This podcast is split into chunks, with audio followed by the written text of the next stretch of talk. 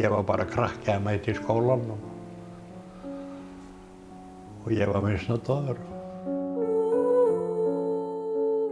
Skeggi Áspjarnason var kennari í Reykjavík frá 1943 til 1977. Hann er sagaður um kynferðisbrot gegn drengjum í löganiskólanum og líka andlegt ofbeldi gagvart stúlkum. Það á að halda virðingu skeggja Áspjarnasonar á lofti en því miður þá vitum við betur. Við sáum hann gera þetta. En ég man svo sannarlega eftir að við ætluðum að fletta ofan á hana. Meðan beðu var eftir hækkandi sól hefur mörgum manni vafalust gefist næði til að láta hugan reyka til horfina ára. Hafa þó gjarnar reyfjast upp hálf gleymdir atburðir, laungu liðnir.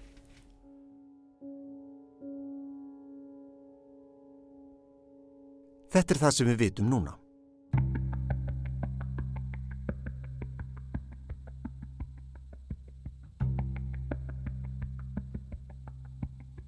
Myndin af skeggja er að teiknast upp. Það voru þrýr skólastjórar í löguniskólanum þann tíma sem skeggi er þar.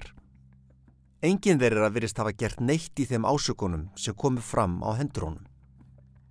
Ég hef talað við kennara í löguniskólanum sem voru að hefja sinn starfsferil um það leiti sem skeggi var að hætta. Engin þeirra segist hafa heyrt að meintum brotumanns fyrir en fyrir átta árum. Ég vitnaði bref sem er bast frá einum þeirra. Hann skrifaði upp lista af fólki sem var í lögunaskólanum og hjá skeggja. Með þeim orðum að hann skildi ekki þessa þörf fólks að ofinbera löngu liðna atbyrði. Hann bætti við, svo ég vitna orðrétt í Brefið Varðandi að komi viðtal í einhverjum þáttana verður ekki. Kemur ekki til greina. Ég er komin í skömm með aðra vinnu mína og óska eftir að þessu sé hér með lokið af minni hálfu.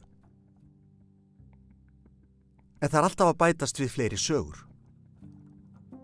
Steina Einarstóttir sem var í Skeggjabekk frá árunnu 1946 myndi eftir atviki þar sem skeggi satt við kennaraborðið með eitt skólabróður hennar í fanginu.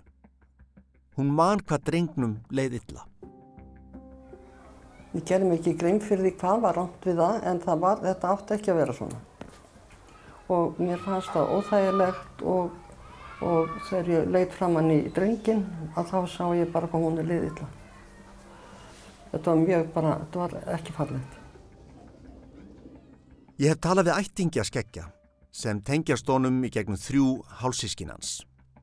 Þau heyrðu fyrst að myndum kynferðisbrotum skeggja fyrir átta árum og var brúðið. Sá skeggi sem þau þekktu var allt annar maður en líst hefur verið í þessum þáttum. Skeggi kom alltaf með jólin heim, saði Frankans, sem mann eftir honum sem ung stúlka. Ég bauð tveimur frængumann sem ég rætti við að koma í viðtal og segja sína sögu af skeggja. Þær afþökuðu það. Þær vildu heldur ekki láta napsins getið eða koma að nokkru leiti að þessari umfjöldum.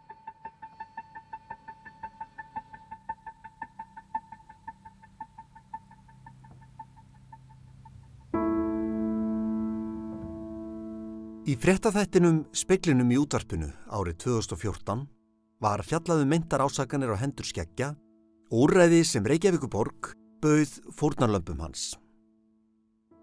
Skólamála yfirvöldi í Reykjavík hafa ákveðið að þeir sem beittir voru kynferðisofbeldi í lauganeskóla, síðar hluta liðinar aldar, standi til bóða að ræða við sálfræðing og fá þá aðstóð sem þörf er á. Í minningabóku Bjarkar Guðrunar Gísladóttur sem gekk í lauganeskóla á sínu tíma kemur fram að einn virtasti kennari skólans, Skeggi Áspjarnason, hafi misnóta drengi kynferðislega árum saman. Eftir að þessar upplýsingar komu fram hafa einhverji drengi gefið sér fram og staðfest frásögna bjargar Guðrúnar. Í vittölum við Guðrúnu Augmundstóttur tengilis vist heimila hafa fleirinn tíu drengir er sagt frá reynslu sinna af kennarunum. En hvernig verður bröðust við ætlar Reykjavíkuborg að aðhafast einhvað í málunum? Ragnar Þorsteinsson, sviðstjóri skóla og frístundarsviðs, segir að fyrstu viðbröð hans hafi verið að ræða við velferðarsvið borgarinnar. Þar er ég búin að tala við sálfræðing sem er einn af okkar færustu sálfræðingum um það ef að framkoma einstaklingar í gegnum samstarfið okkur eða þjónustuverborgarinnar þá standi þetta í bóða viðtal. Þannig að ef einstaklingar sjá eða finna þörf á því að leita til borgarinnar að þá geta þeir haft samband og fengið aðstof. Hárétt, þá munum þeir hafa samband við fjóra 11 11 11 sem er þjónustu sími Reykjavík borgar, leggja þar sitt nafn og, og kontakta og við þá verður haft samband og við þá verður þá talað ef þeir óska eftir því.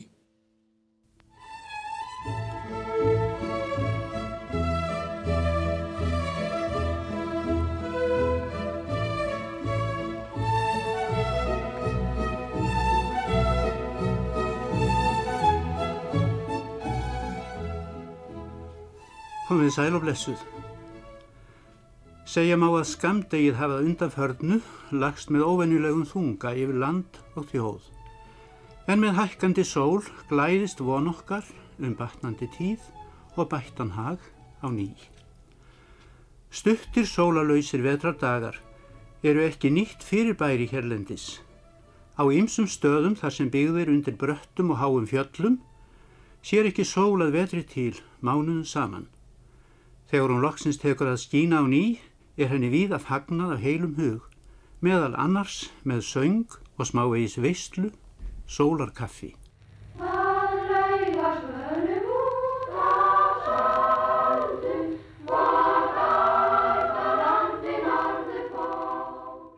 Jón Freyr Þórarensson starfaði við lögunisskólan í 45 ár sem kennari, yfirkennari og skólastjóri.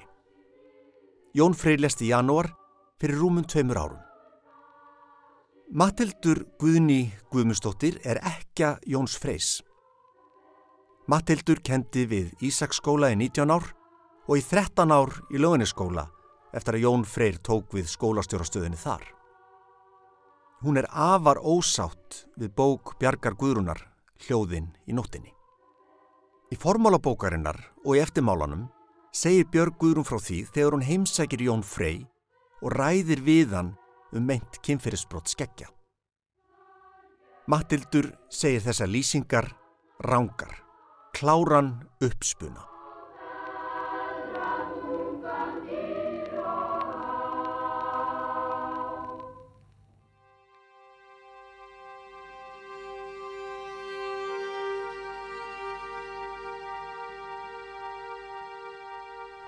Hún byrjar strax á því að lýsa því að húsið sé, því sé vel við haldið og síðan fer hún að lýsa því að e, heimilið sé hlýlegt og beri merki um að þarna býr fólk sem komið er af léttasta skeiði.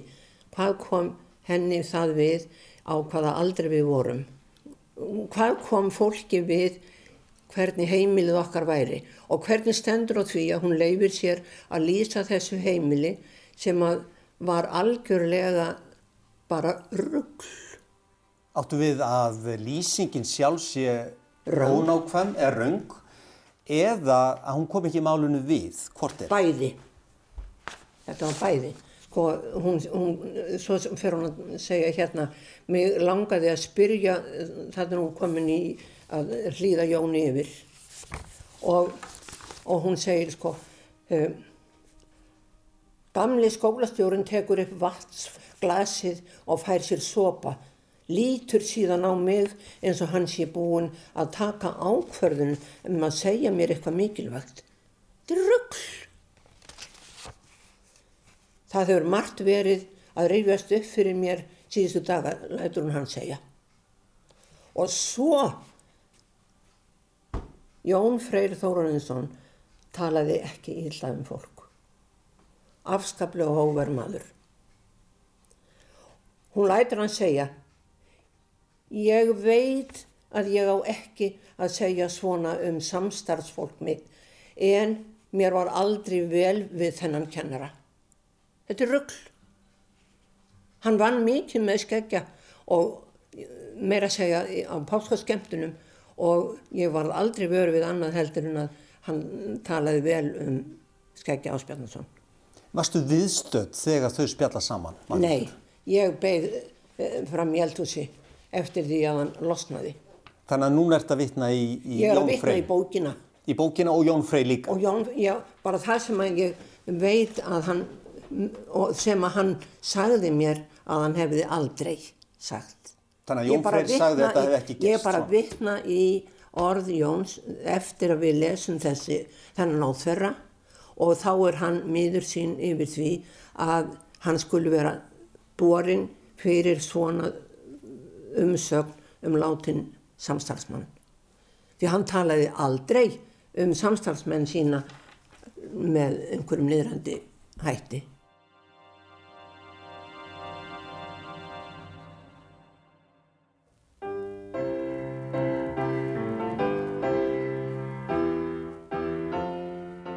Í faðmi fjalla blára. Sunnukórin og Karlakór Ísafjörðar syngja, Ragnar Há Ragnar stjórnar og Hjálmar Há Ragnarsson leikur á hljóðfærið.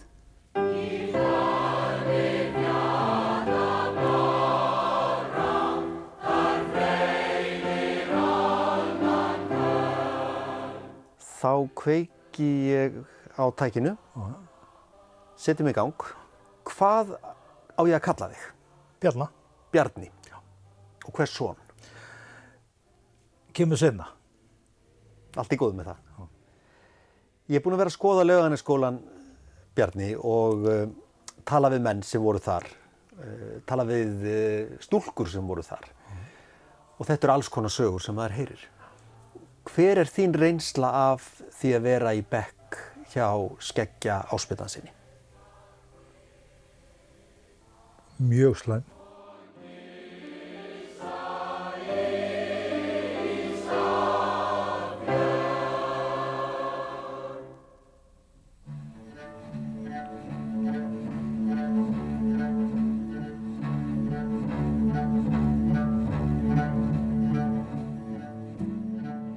Bekkjarbróðir Bjargar Guðrunar Gísladóttur var í tvo vetur í Bekk með henni hjá Skeggja.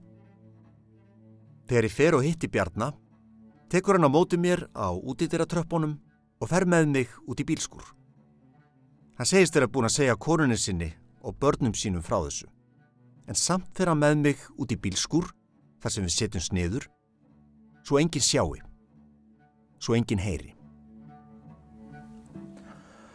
Uh, ég var á tíandagra þegar ég kem í Ljónaskóla og þetta byrjaði strax, bara fyrstu vikum. Og uh, ég vildi skipta aftur um skóla og fara í Östubæðaskólan. Þannig að það leiði mig vel. Ég uh, saði ekki pappa og mömmu hvers vegna, þorði ég ekki.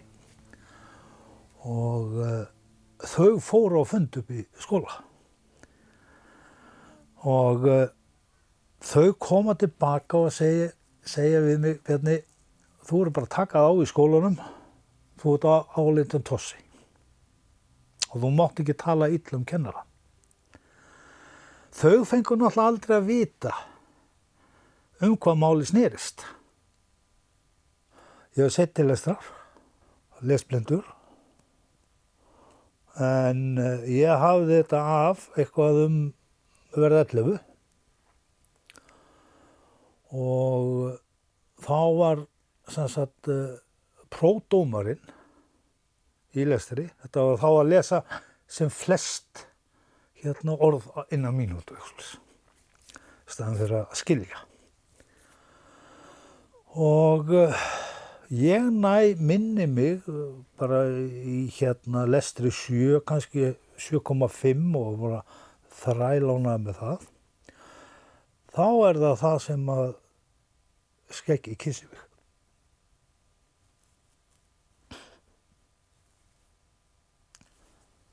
Blöytum koss.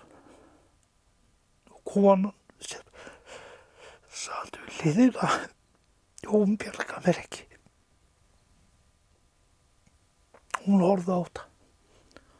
Hún vissi þetta, hvernig það var.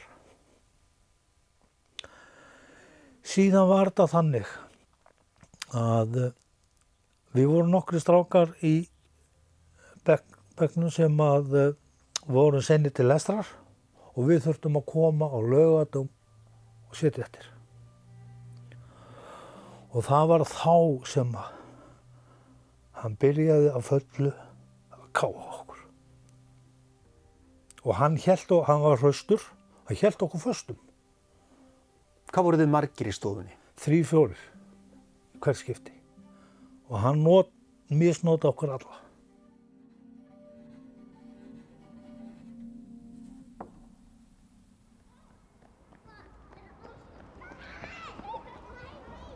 Tíminn læknar ekki öll sár hjálmar, það er bara kjáftæði. Nei, ég meina... Það er ekki þannig. Tíminn leysir þetta ekki. Eh, það er stuðningur, það er að trúa fólki, það er það sem hjálpar. Hjálmar Gunnar Simarsson hefur starfað við forvarnir og fræðslu gegn kynferðisofbildi í um 20 ár. Hann heldur utanum þjónustu við Karlkins brotaþóla hjá stígamótum.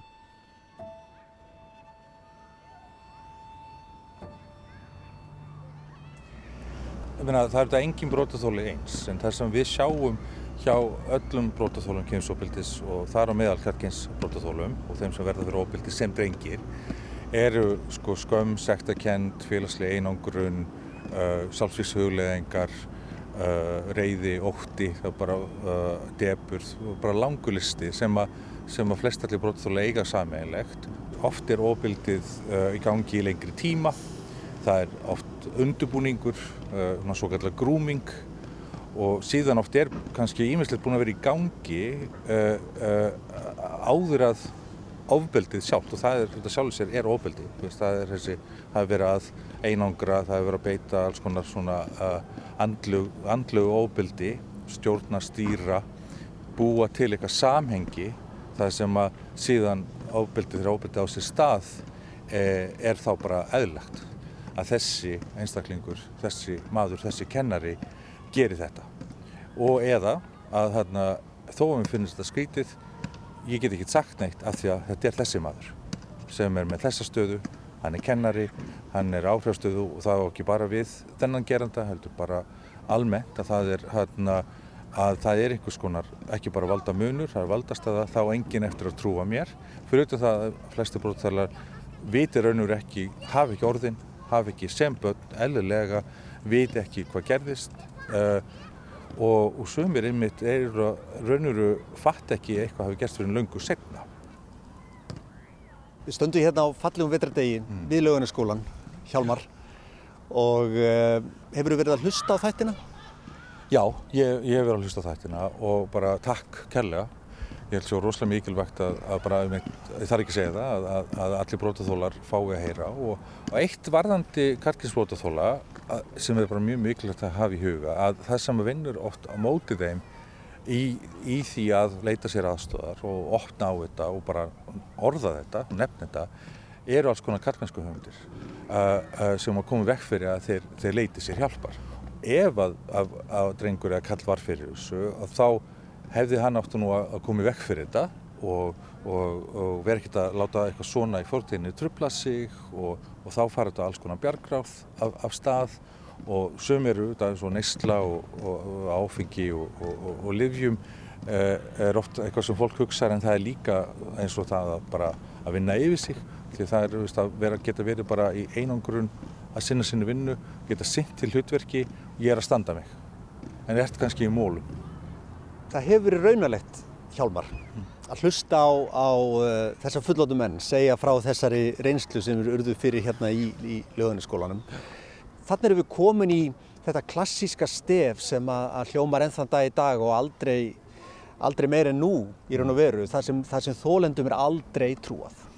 Sumir hafa bara, brotar hafa bara sagt að brotið var eitt, það var alveg nógu alveglegt og nú er erfitt að takast á við það, en hvernig fjölskyldan eða vininir eða, eða skólinn eða kerfi brást við eða ekki við eða brást að það er, það er annað óbeldi það er, það er annar sásöki von á allt.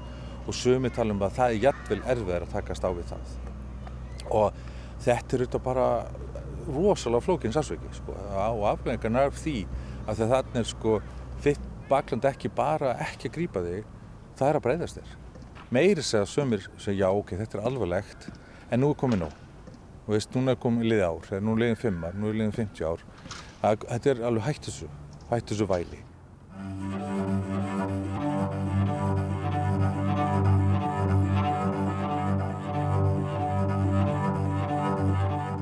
Við urðum vittnað því þegar hann sagði nú skulle allir horfa upp á töflu þá má engi snúa höfðinu við. Þá vissum við alveg hvað var að ske fyrir aftan á. Þá held hann einhverjum dreng niðri og jáfnvel tveimur og fór, að, fór inn á þá og káða á þeim. Nú, svo þróast þetta en við náttúrulega þroskuðustum. Hann var alltaf að þælast inn í sturtuklefana þegar við vorum í, í, í, í hérna sturtu í leikvimi. Maður hugsaði ekkert kannski um þetta alveg þá hvað var að gera. Hann var náttúrulega að mæla okkur út.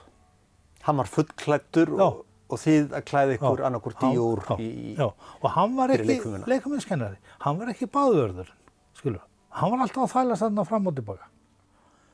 Nú, síðan er þetta nú þannig að, að þetta bara gengur svona þar til að við, það kemur, já það kemur einn drengur í bekkin og hann satt mjög aftalega og það var eitthvað sem að skeði að hann stendur upp og öskar og skeggi Ásbjörnarsson að hann væri bara barnanýðingur, hjælti vera fram, var káandi á, á drengjunum og lætur hann bara heyra og hann var tölur stærra en hann sko búin að vera á sjó bara frá því hann var gutti.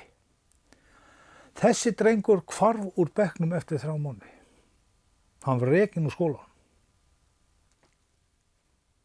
Var náttúrulega sendur til skólastjóras fyrir þessu ummali sem hann hafði.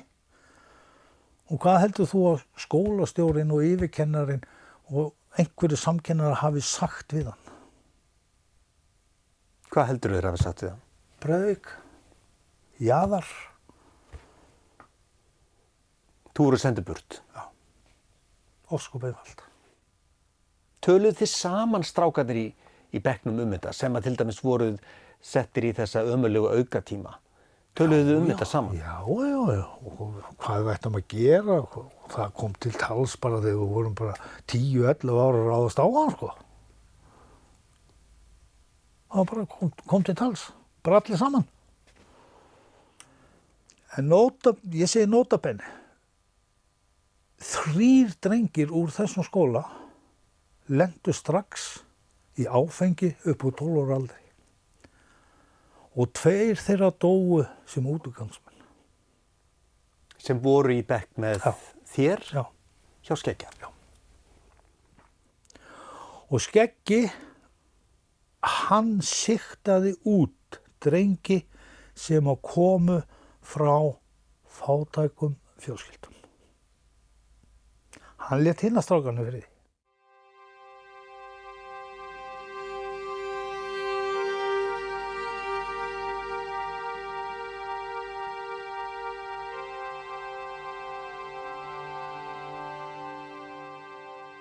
Það er tvent í raun og veru, Matildur, sem við erum að ræða hérna. Það er annars vegar orðalægi, það sem er sagt og, og, og, og hún leggur Jóni orði í munn, Já, segir þú, Björg Guðrún.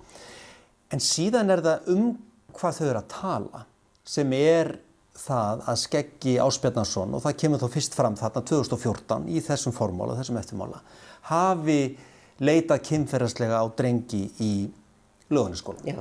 En það vissi Jón aldrei neitt um. Það sagði hann mér sjálfur. Hún, hún talar við Jón eins og hann hafi í raun og veru verið í einhverju þeirri stöðu að hafa geta fylgst með þessu sem hann var ekki. Hann var yfirkennari, er það ekki, á Jú. sjönda áratugnum. Já. Þetta eru miðjan sjönda áratugnum sem þetta gerist. En, en hann er náttúrulega bara upptekinn af, uh, hann kendi sjálfur óskaplega mikið, hafiði fullt að gera uh, í, í sínum frístundum. Þannig að þetta var ekki, Gunnar var skólastjórinn með stórum stöfum. Jón var aðstóðarmadur hans. Þannig að Gunnar réði öllu. Gunnar réði. Er möguleiki að Gunnar hafi ráðfært sig við Jón Freysin nánast að aðstofamann ef að það hefur komið kvörtun varandi skeggja á sjönda áratugnum? Við áttum óskaplega náinn samband ég og Jón Freyr. Þannig ég tel að Jón hefði sagt mér það ef að Gunnar hefði lemta við hann.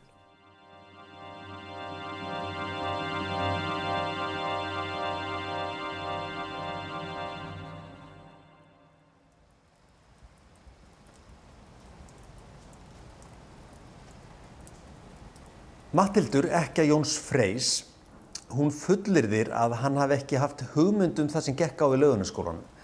Mattildur hefur líka mjög stór orð um bók Bjargar, formálan og eftirmálan. Hvernig kemur þetta þér fyrir sjónir, Sólur? Mér finnst þetta mjög merkilegt það sem hún segir. Uh, sérstaklega hvað varðar það að, að, að Jón Freyr og Skeggi hafi verið svona nánir samverkamenn. Þetta er einhvern veginn allt annað önnum mynd sem að, að hún er að draga upp matildur heldur en að við höfum séð í öðrum heimildum. Það talar nánast allir um Skeggja sem einfara. Já. Hann blandar ekki geði við nokkur mann. Nei.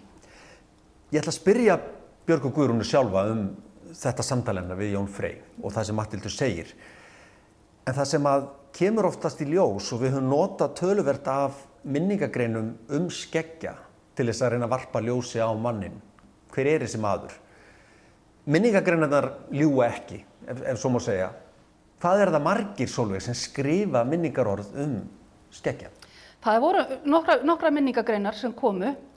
Það var ein eftir frængu í föðurætt sem var rítöfundur og önnur, er, við þekkjum það, það er Hrafnildur sem að borðaði með honum þarna í 40 ár á kirkjutegnum.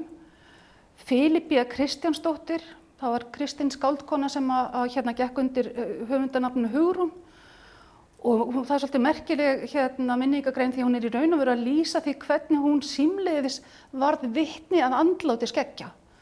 Og það er svona mikil sektarkent sem kemur fram í þeirri minningagrein. Clemens Jónsson skrifar fyrir hönd útvarsins en segir meðal annars að skeggja hafi verið vinu sinn. Og svo eru þrý nefnendur, Elva Gunnarsdóttir, Markus Örn Antásson og Styrmir Gunnarsson sem skrifa. Og svo er sér að Garðar Svafarsson, sóknaprestur í lögunis sók, sem sennilega jarðsöngskeggja, ég bara geti, geti fullirt að hann hafi jarðsungjaðan. Sama dag þá byrtist sama minningagreinin í þjóðvílanum og alþjóðublaðinu. Hún var eftir, já, frá fyrrum nefnendaskeggja, Steinar í Benediksinni og hún stengur svolítið í stúf. Þar ávarpar til dæmis uh, Steinar skeggja beint og segir, og ég hérna tilvitun hefst, það er þér að þakka að ég skuli eiga alveg flekklaust líf. Og svo nokkru dögur síðar þá byrtist í Íslandika þáttum tímans sama minningagreinin frá Klemens eins og kom í morgublaðinu og mjög leng grein eftir Þorsten Ólafsson. Hann var þá hættur sem yfirkennari í lögurumskólum að fara að vinna á fræðsluskrifstofu Reykjavíkur og hann skrifar í raun og veru bara frá sjálfum sér til vina síns. En hvað með kveðju frá lögurnaskólanum? Já, það er bara engin kveðja frá lögurnaskólanum. Það er engin minningagrein frá kennurum, skólastjóra eða skólanum sjálfum. Og eftir því sem að Matildu vittar um það hvað þeirra búið nánir samverkamenn, Skeggi og Jón Freyr, þá er, það, er þetta gargandi þögn. Jón Freyr skrifar ekki um Skeggja.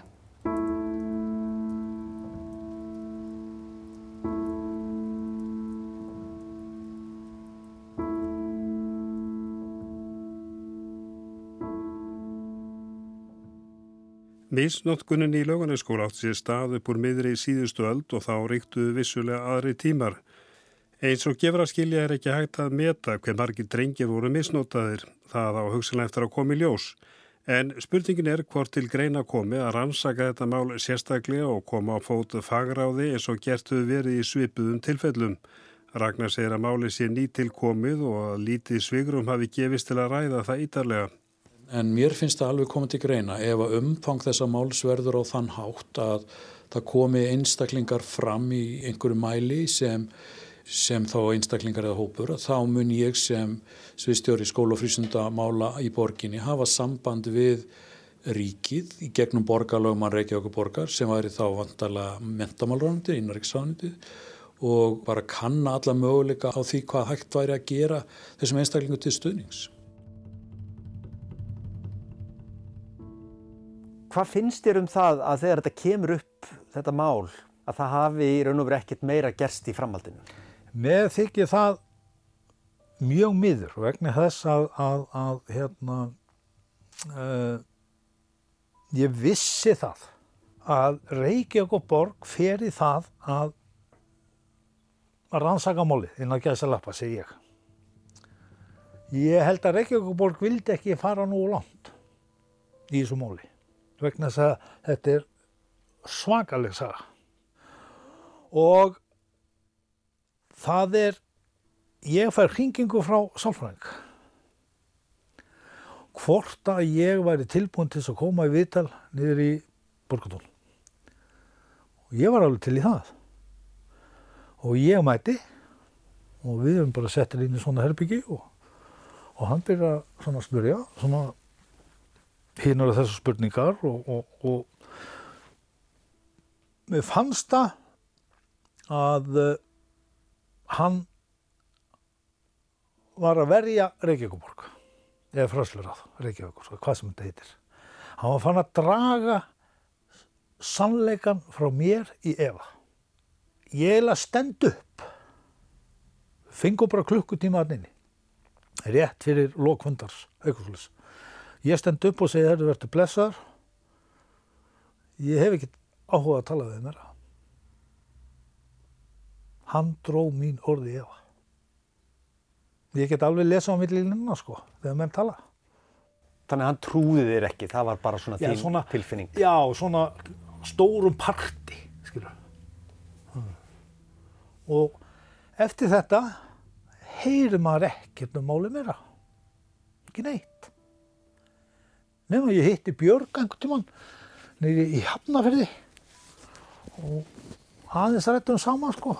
Og hún bara sagði þetta bara hlýtur að vera, komið við fulla rannsókn, bara hlýtur að vera. En svo var ekki.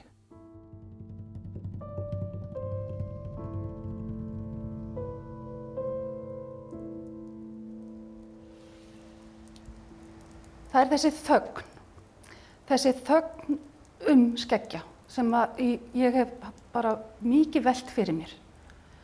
Og þegar ég var einhvern veginn búin að, að heyra það sem Mattildur segir þá, þá ákvað ég bara að, að kanna málið. Og ég hérna, fann uh, lista yfir kennara við Lauganaskóla skóla árið 1967 til 1968. Uh, þetta eru mjög kunnuleg nöfn, M- mann eftir nánast meiri hlutanum sjálf, bara frá því þegar ég var í skóla. Þetta eru 22 kennarar, það eru ennþá fjórir á lífi.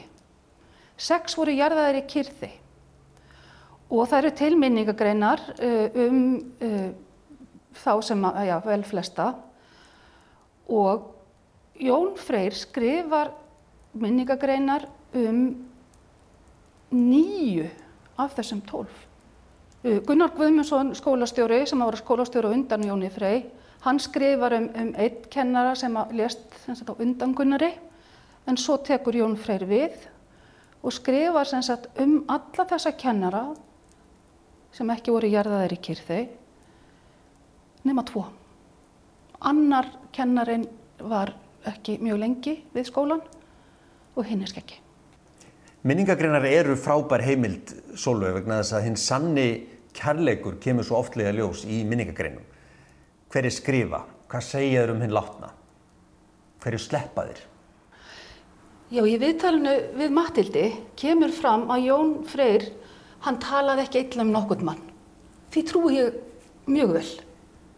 Og þá fer maður að hugsa um, gæti hann ekki einu sinni fundið neitt gott til þess að skrifa um skeggja, þennan nána samverkamann hans. Man getur svona dreigið þá álöktun að eitthvað hafi stoppað hann af við að skrifa minningagrein. Og þetta einhvern veginn, maður er í raun og skilur ekki þögnina nema út frá þessu. Hann hafi vitað þetta. Því miður.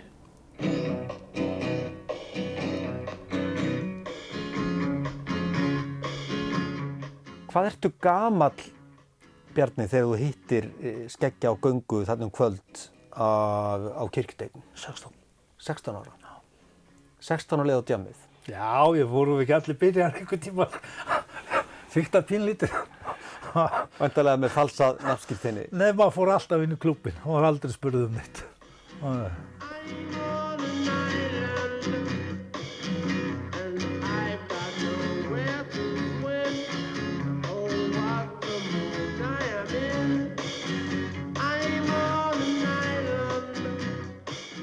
Ég byrja að kalla á hann og sný mig við og kalla á hann þarna ertu helviti sömingi.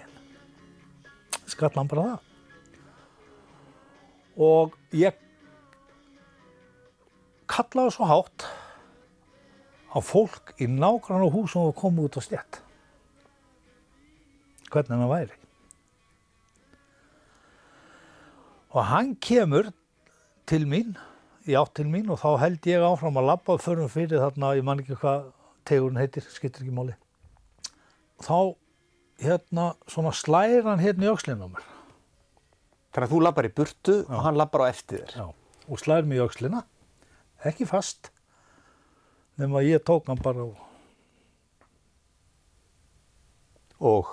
Bara, það. Gerði það. Og slóst hann þá? Já, já. Einu sinni? Tís og þrís og fjóru sinni. Og lág hann eftir þá? Nei, hann rasaði, skildi hann eftir og saði það eru örgla fleiri sem að vilja gera þetta við þig. Fullt af þeim. Öll þessi ár sem þú hefur verið að kenna í hérna, yngri bökkjónum, það eru margir sem vilja koma og taka þig gegn. Lamdur hann illa? Nei, það sást ekki að blætti ekki úr honum með neitt hann sko. Kildan aðeila sko, einu sinna á kjáttinn og einhvern tíman í skrokkin sko, skilur. Og uh, ekkert meira. Sagt, ég hef aldrei verið ofbeldisfullur sko, aldrei. Ég hef aldrei lamið sko neitt til blóðs eða neitt. Og eftir þetta þá lokaði ég bara á þetta. Reyndi það. Reyndi. Auðvitað kom þetta alltaf upp. Aftur og aftur. Og svo þegar svona setni árum þegar uh, sem sagt að það kemur fréttum einhverjir menna og eða konur sem sagt uh, eru að ganga á krakka og misnóta þá, þá kom ílskal sagði alltaf þetta er minnar á hnakka skjóta þessu mikið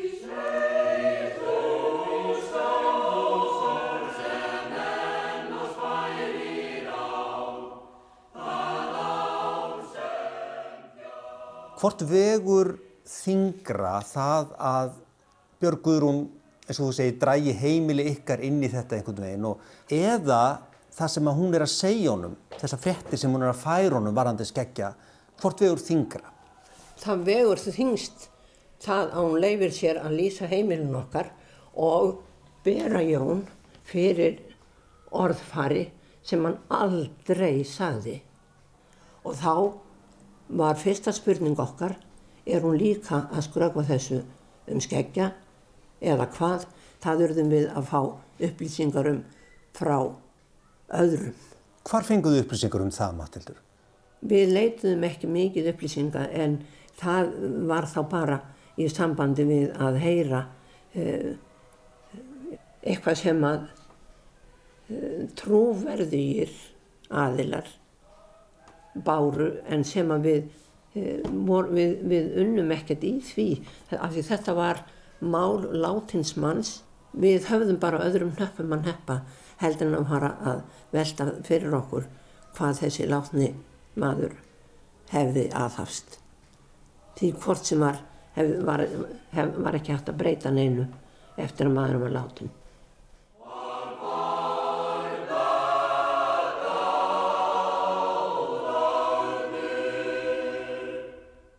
Kór áttægafélags strandamanna, söng, rís heil þú sól. Í lokaþættinum um skeggja næsta lögadag. Svo stöndum við hérna í andri lögarnaskólans, átt áru setna Ragnar og uh, hvað nú? Hvað gerist næst? Já, þú spyr mig, ég hef ekki hugmyndu um það þóstöld, hvað gerist næst? Í gamla daga var það bara þannig ef að skólinn sagði það, þá var það rétt. Alveg sama hvort að það var rámt eða rétt. Og ég hef bara sjálfur reynslu af því að hafa verið sakar um að hafa hent grjóti hér í spjald sem var snjór. En mamma mín sagði það eftir að hafa lesið brefi frá skólastjórunum og ég grenjandi sagði ég gerði þetta ekki mamma.